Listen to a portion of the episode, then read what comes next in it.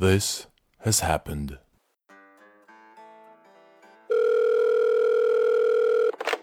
Du gutta, skal vi ta opptak i kveld, eller? Ja, det kan vi. Jeg må bare, jeg må bare skrive et styrenotat først, så er jeg klar. Skal vi ha opptak i kveld? Ja, eh, det kan vi. Jeg skal Jeg holder på å rette noen eksamener, så jeg skal bare gjøre ferdig det først, så jeg er jeg klar. Du gutta, skal vi ta opptak i kveld, eller? Ja, det kan vi, men eh, jeg må på butikken og så handle noe printerblekk, for jeg skal skrive ut en sånn eh, rapport som jeg har skrevet, som jeg skal levere i morgen på jobb. Så jeg må bare gjøre det først, og så, så er jeg med. Skal vi ha opptak i kveld, eller? Ja, det, det gjør vi. Jeg skal bare ut og vaske bil først. Det tar bare et par timer. Skal vi ha opptak i kveld? Ja, det kan vi. Jeg må bare, Det er en banan som begynner å bli litt råtten, så jeg må bare spise den først. Skal vi ha opptak i kveld, eller? Ja, det kan vi. Du, vet du, det var litt snedig at du eh, sa at du skulle spise den bananen i går, fordi jeg har en kiwi som jeg skal spise først, og så er jeg klar etter det. Kunne vi fått til opptak i kveld, da? Ja, det kan vi. Det er bare noen greier jeg må få ordna først. for Du husker på det printerblekket jeg kjøpte og den rapporten jeg skrev ut. Jeg, jeg meg på en av papir... Altså A4-arkene.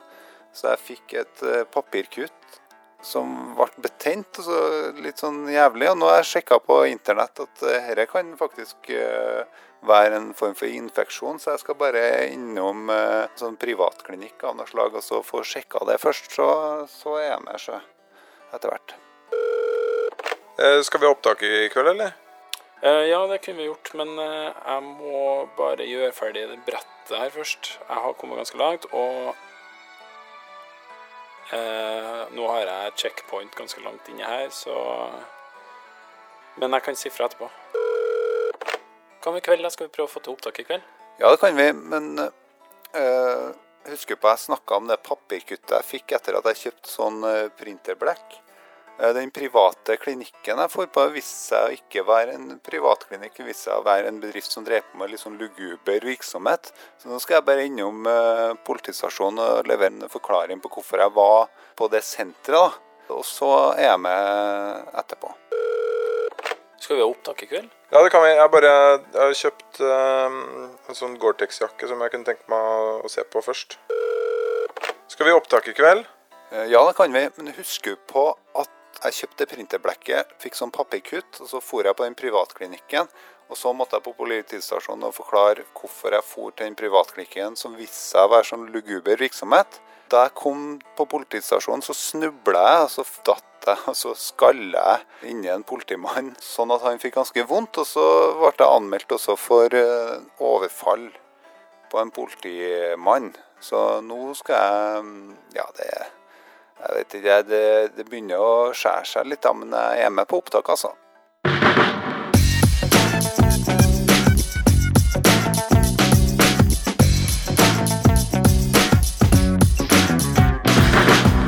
Du hører på Psykologlunsj, populærvitenskapelig lunsjprat med psykologene Tommy, Jonas og Jan Ole.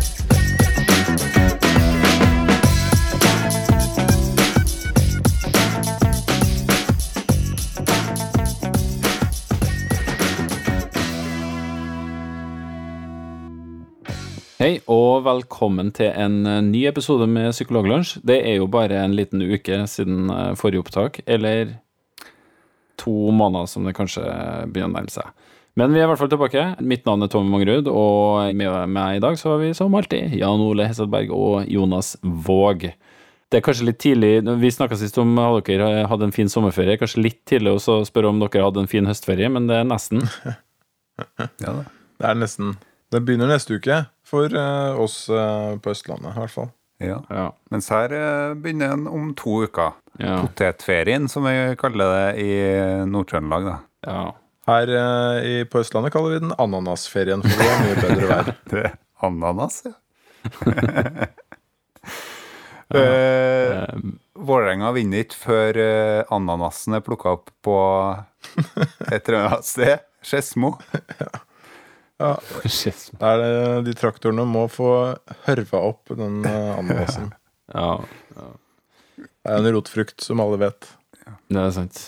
Men eh, vi har jo utsatt av gode grunner. Vi har jo vært opptatt, hatt mye å gjøre. Og ut av eh, den tida her så har det kommet to kronikker fra Psykologlunsj, eller enten hele eller deler av Psykologlunsj-redaksjonen.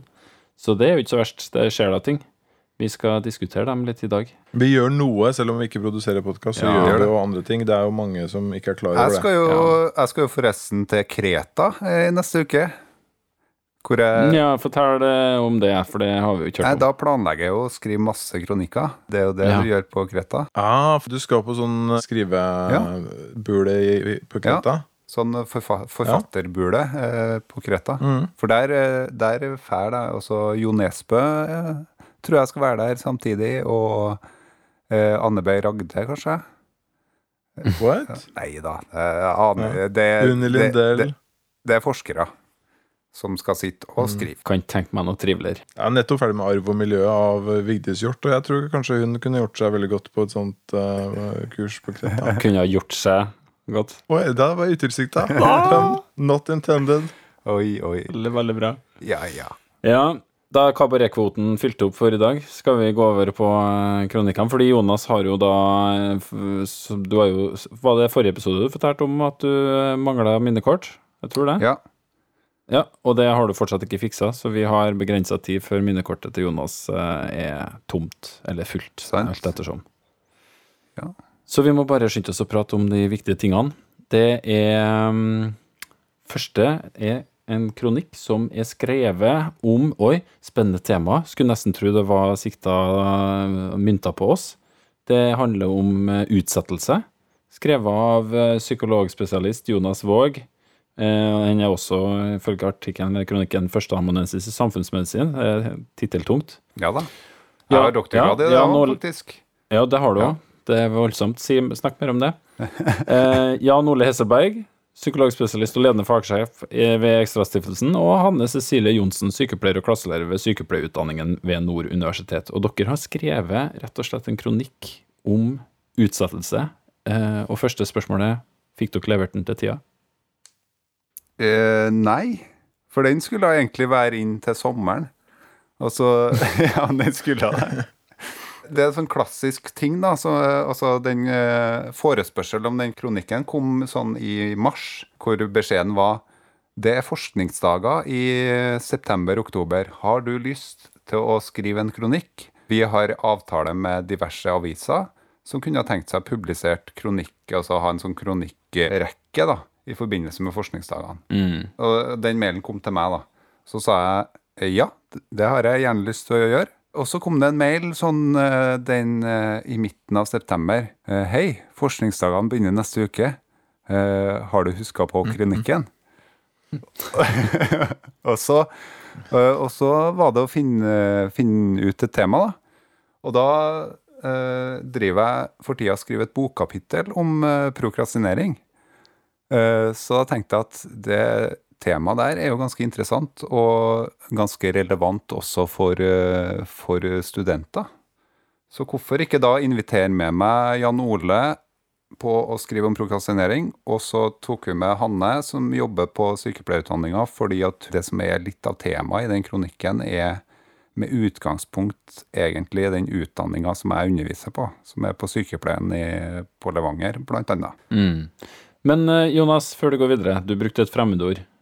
Ja. Prokrastinering. Hva er det for noe? Eh, Det er vanemessig utsettelse. Ja. Altså at du utsetter en oppgave som du egentlig har sagt at du tar på deg. Så det som skiller prokrastinering fra å unngå en oppgave, det, det er at eh, når du unngår en oppgave, så er det sånn at du ikke vil eh, Du har ikke liksom på en måte ikke sagt at du skal gjøre det. Men prokrastinering handler om at du, du har sagt ja da, den oppgaven gjør jeg gjerne. Og så når du setter deg ned og skal til å gjøre den, så er det så mye annet artig som uh, man kan finne på å gjøre da, i stedet. Så utsetter man det gjerne. Må det være en selvvalgt oppgave, eller må det være noe du burde gjøre, på en måte? Uh, Det kan, Som, som er en del av La oss si at det er på jobben din. da Ja. Du har fått tildelt en oppgave som du egentlig ikke har muligheten til å si nei til. Ja, altså, jeg tror det er baka inn i det med at den er villa, så er det også at du har villa tatt på deg en jobb, og i den jobben så medfører Ja, den mm. oppgaver som, som du også må gjøre, egentlig, men så utsetter dem. Ja. Så dem er vel det godkjent som er definert under prokrastinering òg, da. Ja. Samme òg med sånne ting som i familien, f.eks., som man ikke nødvendigvis har sagt ja til. Sånn som at det står masse oppvask ute i kjøkkenet. Så det er jo ikke sånn at uh, kona mi har gått og så delegert den oppgaven til meg, men jeg går og utsetter den likevel. Mm. For det er Jeg må rydde rommet mitt. ja, fordi, ja, Det er den oppgaven jeg Det er ukesoppgaven jeg, jeg har fått. Du har utsatt den siden du var 13 år, du. Ja, det har jeg. En digresjon, da. Jeg husker på Hvis jeg satte i gang og rydde rommet mitt, så utsatte jeg det så lenge til at eh, det til slutt ble et sånt renoveringsprosjekt. Altså, måtte bytte bordkleding og sånn. Eller sånn eh, bytte tapet og Nei, men da, da skulle alt gjøres på den mest geniale måten, så da tok jeg bare slengt alt sammen på midten på gulvet av ting og tang, og så skulle jeg systematisere på en helt genial ny måte. Og så ble det liggende der da i, i flere uker i stedet midt på gulvet. og så ble det lagt tilbake på akkurat samme måte som det var i utgangspunktet. Det er flott. Helt ukjent. Eh, ja, vanemessig utsettelse, da, eller prokrastinering, det har blitt mest forska på eh, blant eh, studenter. Litt fordi at det kanskje mest kjent fenomen blant studenter, det er i studenttilværelsen at man kjenner til det. Der har man gjerne sagt at eh, jeg har lyst til å ta en utdanning, og så er medfører det noen eh, plikter da, ved den utdanninga. Det at du f.eks. må sette deg inn i pensum og forberede deg til en eksamen. Men så er det litt sånn løs struktur på altså det er et, Ja, det er noen plikter, men de pliktene er det egentlig du sjøl som har eh, gitt deg sjøl. For du har jo muligheten til å, å utsette det å lese til eksamen helt opp til fristen.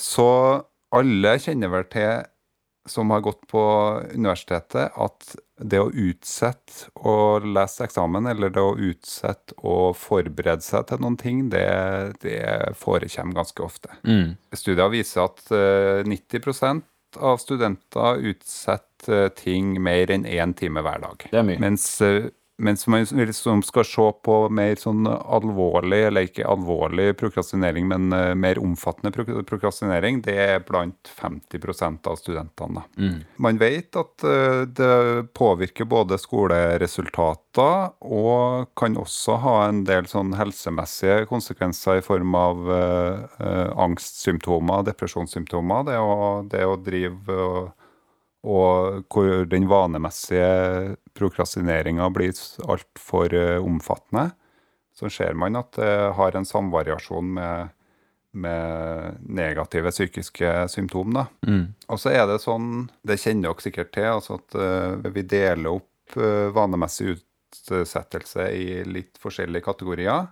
Noen tenker at det er noe negativt. Eh, Men så er det en god del av oss som tenker at prokrastinering kan ha noe positivt ved seg. Og det, det er faktisk en ting som jeg Altså selv om jeg skjønner at prokrastinering ikke nødvendigvis er så lurt, så har jeg fortsatt litt den tanken i meg at ja, det, eh, jeg jobber best under press. Og det er jo kanskje ikke sånn at eh, du jobber best under press, men det er da du jobber, på et vis. Det, er- da du opplever progresjon i arbeidet ditt, fordi det er bare da du jobber. Ja, men, jo, men seriøst, det, det tror jeg er en grunn til den oppfattelsen. At det er jo, det er jo da, da merker du at det går framover, men det er fordi du, da, da du faktisk legger ned en innsats. Ja. Uh, og jeg er også, jeg er også tilbøyelig til å, å tenke det. Mm. Men sånn er det ikke nødvendigvis. Nei.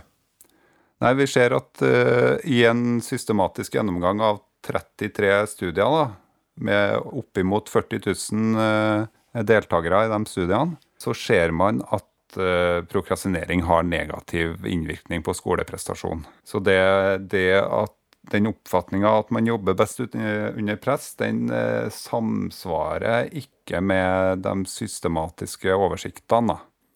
Eh, Det finnes enkeltstudier som sier noe om at enkeltgrupper kan eh, virke og jobbe bedre når de opplever det rushet opp mot, eh, opp mot fristen. Men hvis man ser på de store gruppene, altså når man tar den systematiske gjennomgangen, så finner man ikke det samme. Så her tror jeg nok at at vi skal stole mest på den store gjennomgangen, altså. Men eh, jeg husker jo vi i en episode tidligere så snakka jo vi om eh, Ig Nobelprisvinneren som skrev om eh, effektiv prokrastinering. Ja. Husker du det, Jonas? Den, hva tenker du om det, da? Nei, altså effektiv prokrastinering det handler vel mer om det å kunne ha såpass mange oppgaver at du kunne hoppe mellom oppgavene. Mm. Og sånn holder jeg jo på sjøl. Bare sørg for å ha noe viktigere du burde ha, eller hadde noen ting du alltid burde ha gjort, Ja. sånn at du utsetter ved å gjøre de mindre viktige tingene. Men det tror jeg handler om at uh, altså, dess mer ting du har å gjøre, hvis du uansett er en utsetter, så, så vil du ha eh, så vil det resultere i at du hele tida har en tidsfrist. Så da vil du jobbe effektivt med de, de eh, tingene sånn regelmessig. Så eh, for å jobbe effektivt, hvis du vil fortsatt være en som driver med prokrastinering, så tror jeg nok at det kan være eh, en fin måte å løse det på. Mm. Jeg er nok en effektiv prokrastinatør, eller hva du skal kalle det. Altså, jeg har eh, masse oppgaver. Eh, grunnen til at vi i hele tatt starta med den, altså den kronikken her, tar litt utgangspunkt i, i at man på sykepleierutdanninga på Levanger tidligere har hatt en fraværsgrense. Eh, litt sånn som den fraværsgrensa man snakker om i skolesammenheng. Altså der, eh, der har man eh, loggført fravær hver, i hver undervisningstime, som skiller seg ganske mye fra universitetet til vanlig. da. Så i universitetet så er det jo litt en holdning til at det er studenten sjøl som skal finne ut om det er fornuftig å gå på undervisning eller ikke. Og få på en måte lære seg den der Man blir ansvarliggjort med at man eh, har ansvaret for å lære seg de tingene man skal sjøl. Men så har man jo på sånne profesjonsutdanninger, sånn som sykepleie, da, eh, så koster det ganske mye å ha, få studentene igjennom. Eh, og utdanninga krever f.eks. det å ha praksis, det å, det å øve seg på ferdighetsavdeling og sånne ting, som koster ganske mye midler. Eh, og da har de jo sikra folk gjennomfører i større grad, mest sannsynlig ved at de har den grensa for fravær, for det, det gjør at du altså du blir hele tida påminnet om at det er noe som må gjøres. da. Men nå har de tatt vekk det på enkelte fag, sånn at uh, egentlig det litt den spiren for å skrive den uh, kronikken nå handla litt om uh, hva er det studiene viser. For man ser på internasjonale eh, studier nå og at det argumenteres litt for at eh, man på statlig nivå eller på universitetsnivå eh, bør kanskje begynne å iverksette eh, sosiale tiltak for å hindre prokrastinering. Og da er bl.a. det å loggføre fravær eller eh, å gjøre andre type tiltak med å informere om gode studievaner, kanskje eh, jobbe med, med altså, påminnelser regelmessig, ha jevnlige prøver. Eh, sånne type ting som det ikke var så mye av da jeg gikk på grunnfag psykologi, i hvert fall. Eh, det er med og bidrar til at folk eh, eh, kanskje da ikke blir frista til å utsette. Jeg syns jo, altså Min personlige uh, opplevelse, og vil jeg, jeg vil tørre påstå at den også har eh, forholdsvis eh, godt eh, fundament i forskningen, det er jo at, at rammene er veldig viktige for produktiviteten min. Så de rammene jeg har, eh, har rundt meg. Så når, eh, når eh, jeg eh, legger meg tidlig eh, og står opp eh, i rett tid og har en strukturert arbeidshverdag, oversikt over arbeidsoppgavene mine, jeg har tydelige forventninger som stilles til meg på jobben, så, så gjør jeg mye mer enn når disse tingene ikke eh, er på plass. Og det tyder jo disse studiene på også. Og ikke bare tyder studiene på at vi blir mer produktive under sånne eh, under, med tydelige rammer, men de tyder jo til og med på at når man får valget, når man får muligheten til å sette frister og krav til seg selv, så tar folk veldig ofte og gjør det. Mm. Det var en studie som vi ikke nevnte i, i den kronikken. Da ga man studenter muligheten til å sette deadlines for innleveringer underveis i semesteret. Og da hadde de muligheten til å si vi har lyst til å levere alle innleveringene våre på slutten av semesteret, men i det tilfellet valgte faktisk studentene å spre disse deadlinene utover i semesteret, selv om de ikke trengte det. Mm. Med det resultat at de også gjorde det bedre på de innleveringene. Så jeg tror veldig ofte så tenker man at kanskje at det er et eh, overformynderi å, å be folk stille opp på skolen eller på jobben og levere ting til eh, visse frister. Men eh, det er en god del som ønsker det også. Jeg tenker at eh, det er noen interessante gruppeprosesser som foregår hvis du åpner opp for at du kan sette eh, din egen frist, eller f.eks. åpne opp for altså at du kan være fraværende fra undervisning. da. Så er det sånn at hvis du møter opp da på en undervisning hvor det skal sitte 60 stykker, og det kommer eh, 30, så blir de som sitter i forelesninga, sitte og opplever en sånn uh, tvil om eh, eh, altså trenger jeg å være her når, uh, når det er så mange som eh, ikke er her? Og hvis det da går en fem stykker til, så blir det ekstra mye kognitiv dissonans, da. Så at du, du på en måte må veie opp eh, Er det viktig for meg å være her, eller, eh, eller kan jeg bare stikke?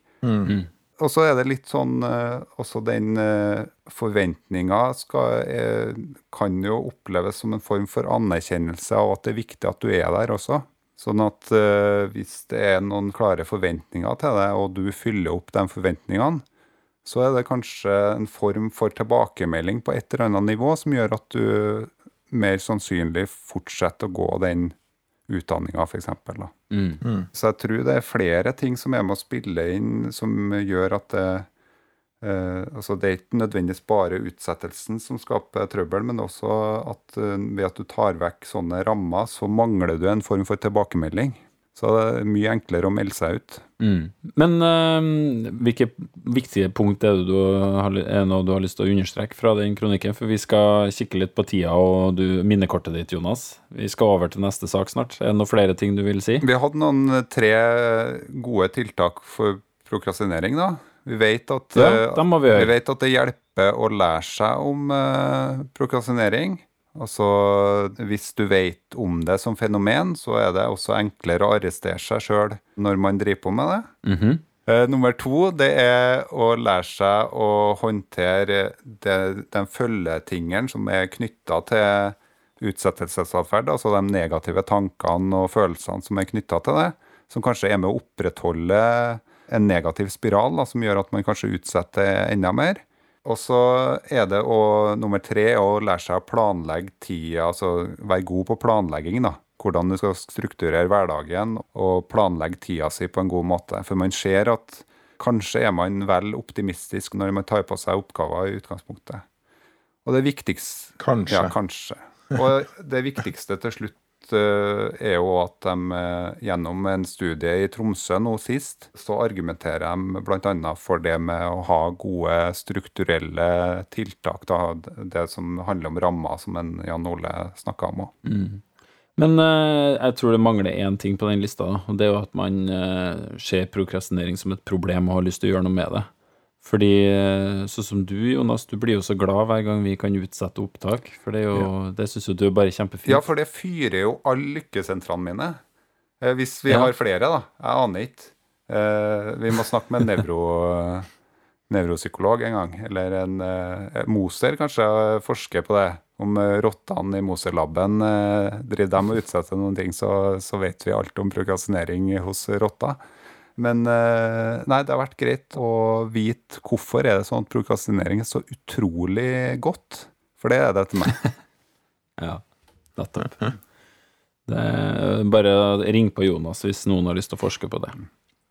Men vi skal over på neste sak, fordi det var da som sagt ikke bare én kronikk, men to i den siste måneden her. Litt mer alvorlige tema. Vi har eh, alle tre vært med og skrevet en eh, kronikk om tvang, altså eh, bruk av tvang i eh, psykisk helsevern. Eh, Jan Ole, du eh, var litt primus motor bak det der. Ja, altså det er jo et tema som vi har snakket mye om alle Ja. tre, oss imellom. Så det er jo, det er jo en kronikk som vi har tenkt på å skrive lenge, og så fikk vi muligheten til å skrive for Dagbladet i forbindelse med, med valget. Så som du sier, Tommy, dette er jo et ganske alvorlig tema. Det er nesten vanskelig å se for seg noe veldig mye mer alvorlig tema. Dette er jo altså tvang i psykisk helsevern. Det er jo sånn at der kan man holde folk tilbake på tvang og legge de inn til behandling under tvang, uten at det foreligger en dom. Så man holder folk tilbake mot deres vilje uten at det, det foreligger noen dom på det. Mm. Det er faglige vurderinger som skal ligge til grunn for dette. Og uten at jeg skal gå veldig i detalj her, så er det en av de tingene som er en sånn kjerne i lovverket, det er at med mindre du er til en fare for deg selv eller andre, så må legen eller psykologen som vurderer at du skal legges inn på tvang, mene at du har et behandlingsutbytte av å bli lagt inn på tvang. Altså at du skal bli eh, bedre eller ikke bli vesentlig verre som følge av at du blir lagt inn eh, på tvang. Og det er et stort spørsmål. Det er jo en, et, eh, et spørsmål som det er mulig å etterprøve. Man kan undersøke om det er mulig, eh, om det er sånn at eh, å legge folk inn på tvang faktisk gjør dem bedre, eller forhindrer dem fra å bli verre. Altså, eller kortere sagt, går det bedre med de som legges inn på tvang, enn med de som ikke eh, gjør det, som er i samme situasjon. Og denne kronikken handler jo om at det vet vi egentlig veldig veldig lite om. Vi vet ikke om det er sånn. Samtidig som lovverket krever at vi skal vite noe om det. Og det er vel det vi har ønsket å løfte med dette, at det er en, en ganske stor forskjell mellom hva lovverket krever, og hva vi faktisk har kunnskap om. Og derfor mener vi at vi kanskje burde forske litt mer på dette. Mm. Så altså Det jeg tenker med, med dette temaet, er jo at det, det er egentlig ganske bred enighet om at vi vet litt for lite om det. Men det som overrasker meg, er at det er såpass mange som synes likevel at det er greit. Mm. At vi ikke vet så mye om det. Og jeg kan skjønne at man kan argumentere for at vi Ja, men vi, la oss fortsette med, eh, med tvang sånn som vi har gjort det til nå. Men da bør man jo i alle fall argumentere for at vi i mellomtiden, eh, i den perioden, eh, jobber for å bygge mer kunnskap. Mm. Og det har overrasket meg litt, da, at man ikke at det ikke er flere som står på barrikadene for å faktisk eh, f- eh, få litt mer kunnskap om dette. Sant? Og, Ja, for det, og, og da snakker vi jo ikke bare i, i Norge, sant? vi snakker om på verdensbasis.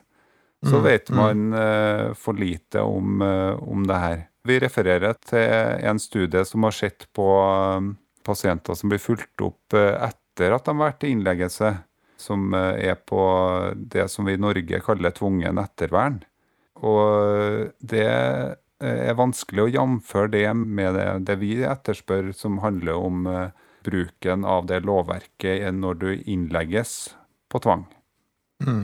Ja, og selv den artikkelen som ser på det som heter da tvungen psykisk helsevern uten døgnopphold. Veldig, mm. veldig enkelt og greit. Selv den artikkelen konkluderer jo med at vi vet uh, veldig lite om det. Så det er, er store kunnskapshull her som, uh, om et tema som er bare kjempeviktig. Som er vanskelig å se for seg noe som er så veldig mye viktigere enn det. Mm. Ja, for at det er jo det å gjøre Altså, vi tar ikke opp den store diskusjonen som også ligger der om eh, skal man bruke tvang eller ikke. Altså, det er massevis av eh, argumenter for og imot, og det er en ting som jeg tror vi kommer til å være eh, diskutert i lang, lang tid framover.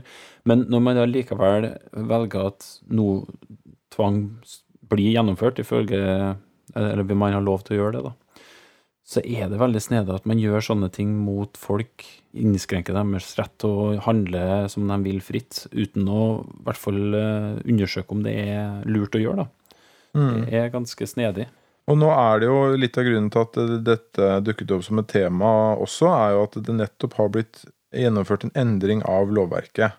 Ja. knytta til tvangsinnleggelse. For alle er enige, eller de aller, aller fleste er enige om at det er for mye bruk av tvang. Og så de aller fleste, eh, aller fleste politi politiske partier har et uttalt ønske om å få mindre tvangsbruk. Eh, Og Norge har også fått kritikk eh, eh, internasjonalt for at de har ganske høy bruk av tvang.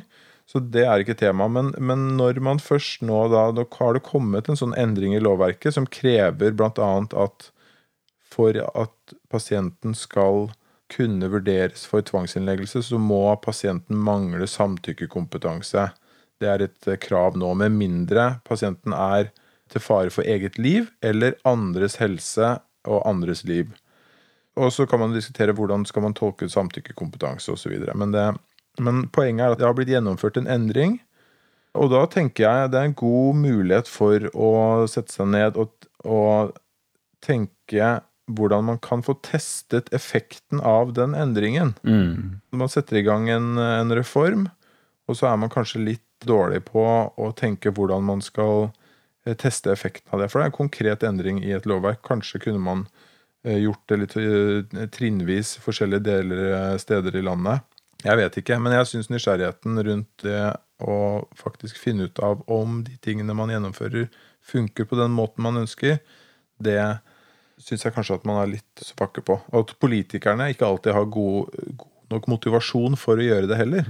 Mm. Og det er jo det vi påpeker i kronikken òg, er jo at det vi nettopp snakker om, om tvang har den behandlingseffekten som man forutsetter, altså den eh, i lovverket.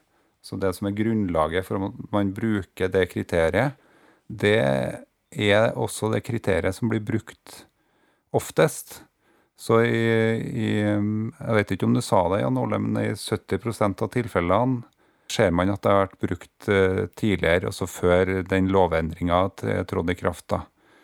Mest sannsynlig vil det endre seg etter at, eh, etter at eh, det med samtykkekompetanse kommer inn i bildet, for da handler det litt om at det også skal gjelde. Altså hvis pasienten vurderes av behandler da, til å være samtykkekompetent, så skal man likevel eh, kunne ta et valg om man vil eh, motta behandling eller ikke. Men eh, det er jo flere effekter av det, den lovendringa som det har vært interessant å følge over tid. Sant? Både det behandlingskriteriet, men også effekten av det med at samtykkekompetanse ble innført. da. Og så er det jo også sånn at dette lovverket Det er ikke sånn at det krever at tiltaket må ha én effekt. Nei. Det sier at det tiltaket man iverksetter, altså tvangen, må ha en betydelig Mm. effekt. Og det understrekes jo flere steder både i lovtekstene og i forskriftene at den effekten av det tiltaket skal være betydelig og understrekes flere ganger at det er ikke snakk om noen marginale effekter. Og så sitter vi med et lovverk som krever det, samtidig som vi har en oppsummering som konkluderer med at dette vet vi ærlig talt ikke noe om. Og vi vet ikke om det har en effekt i det hele tatt. Fordi dette med tvang er jo kjempevanskelig. Det er vanskelig å forske på. Helt åpenbart. Det er jo vanskelig. Og i tillegg så kan man ikke bare anta at den forskningen som er gjort på frivillige, som f.eks. medisinering og sånn under frivillighet, at det fungerer likedan på mennesker som er lakket inn og under behandling mot sin vilje. Mm. Så veldig mye vi, vi kunne tenke oss å finne ut av her. Mm.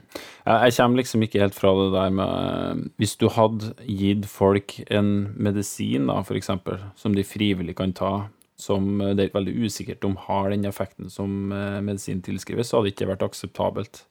Og her har vi da et tiltak som ikke folk kan velge sjøl engang. Det er noe de, de, noen andre tar en avgjørelse om at de skal ha denne type behandling.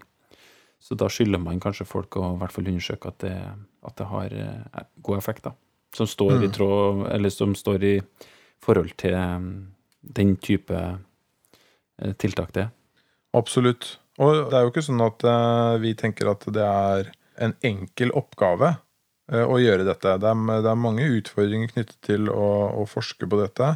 Både praktiske og, og etiske. Men at det bør gjøres likevel, det tenker jeg er ganske åpenbart. Eller så må man jo da endre den lovteksten til å, kreve noe helt annet. For å faktisk gjøre det og, og gi en annen begrunnelse også for hvorfor man eh, ønsker å gjøre det. Mm. Og vi er jo ikke de første som tenker på disse tingene. Det er jo mye diskutert dette både i fagmiljøene og i forskjellige pasient- og brukergrupper. Så det, det er nok et tema som kommer til å stå på dagsorden for, eh, for mange i lang tid eh, framover, det. Mm. Ok, da tror jeg vi skal runde av eh, diskusjonen for i dag. Eh, veldig spennende tema, både, både det her med prokrastinering og tvang. Vi satser på at eh, Jonas sine råd om effektive tiltak mot prokrastinering har effekt på Psykologlunsj-redaksjonen, sånn at vi har en episode ute før jul. Takk for nå.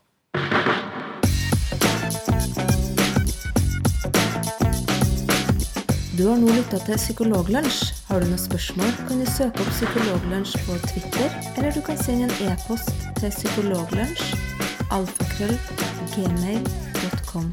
Mer informasjon om temaet du har hørt i dag, finner du på psykologibloggen.no og tankesmed.no.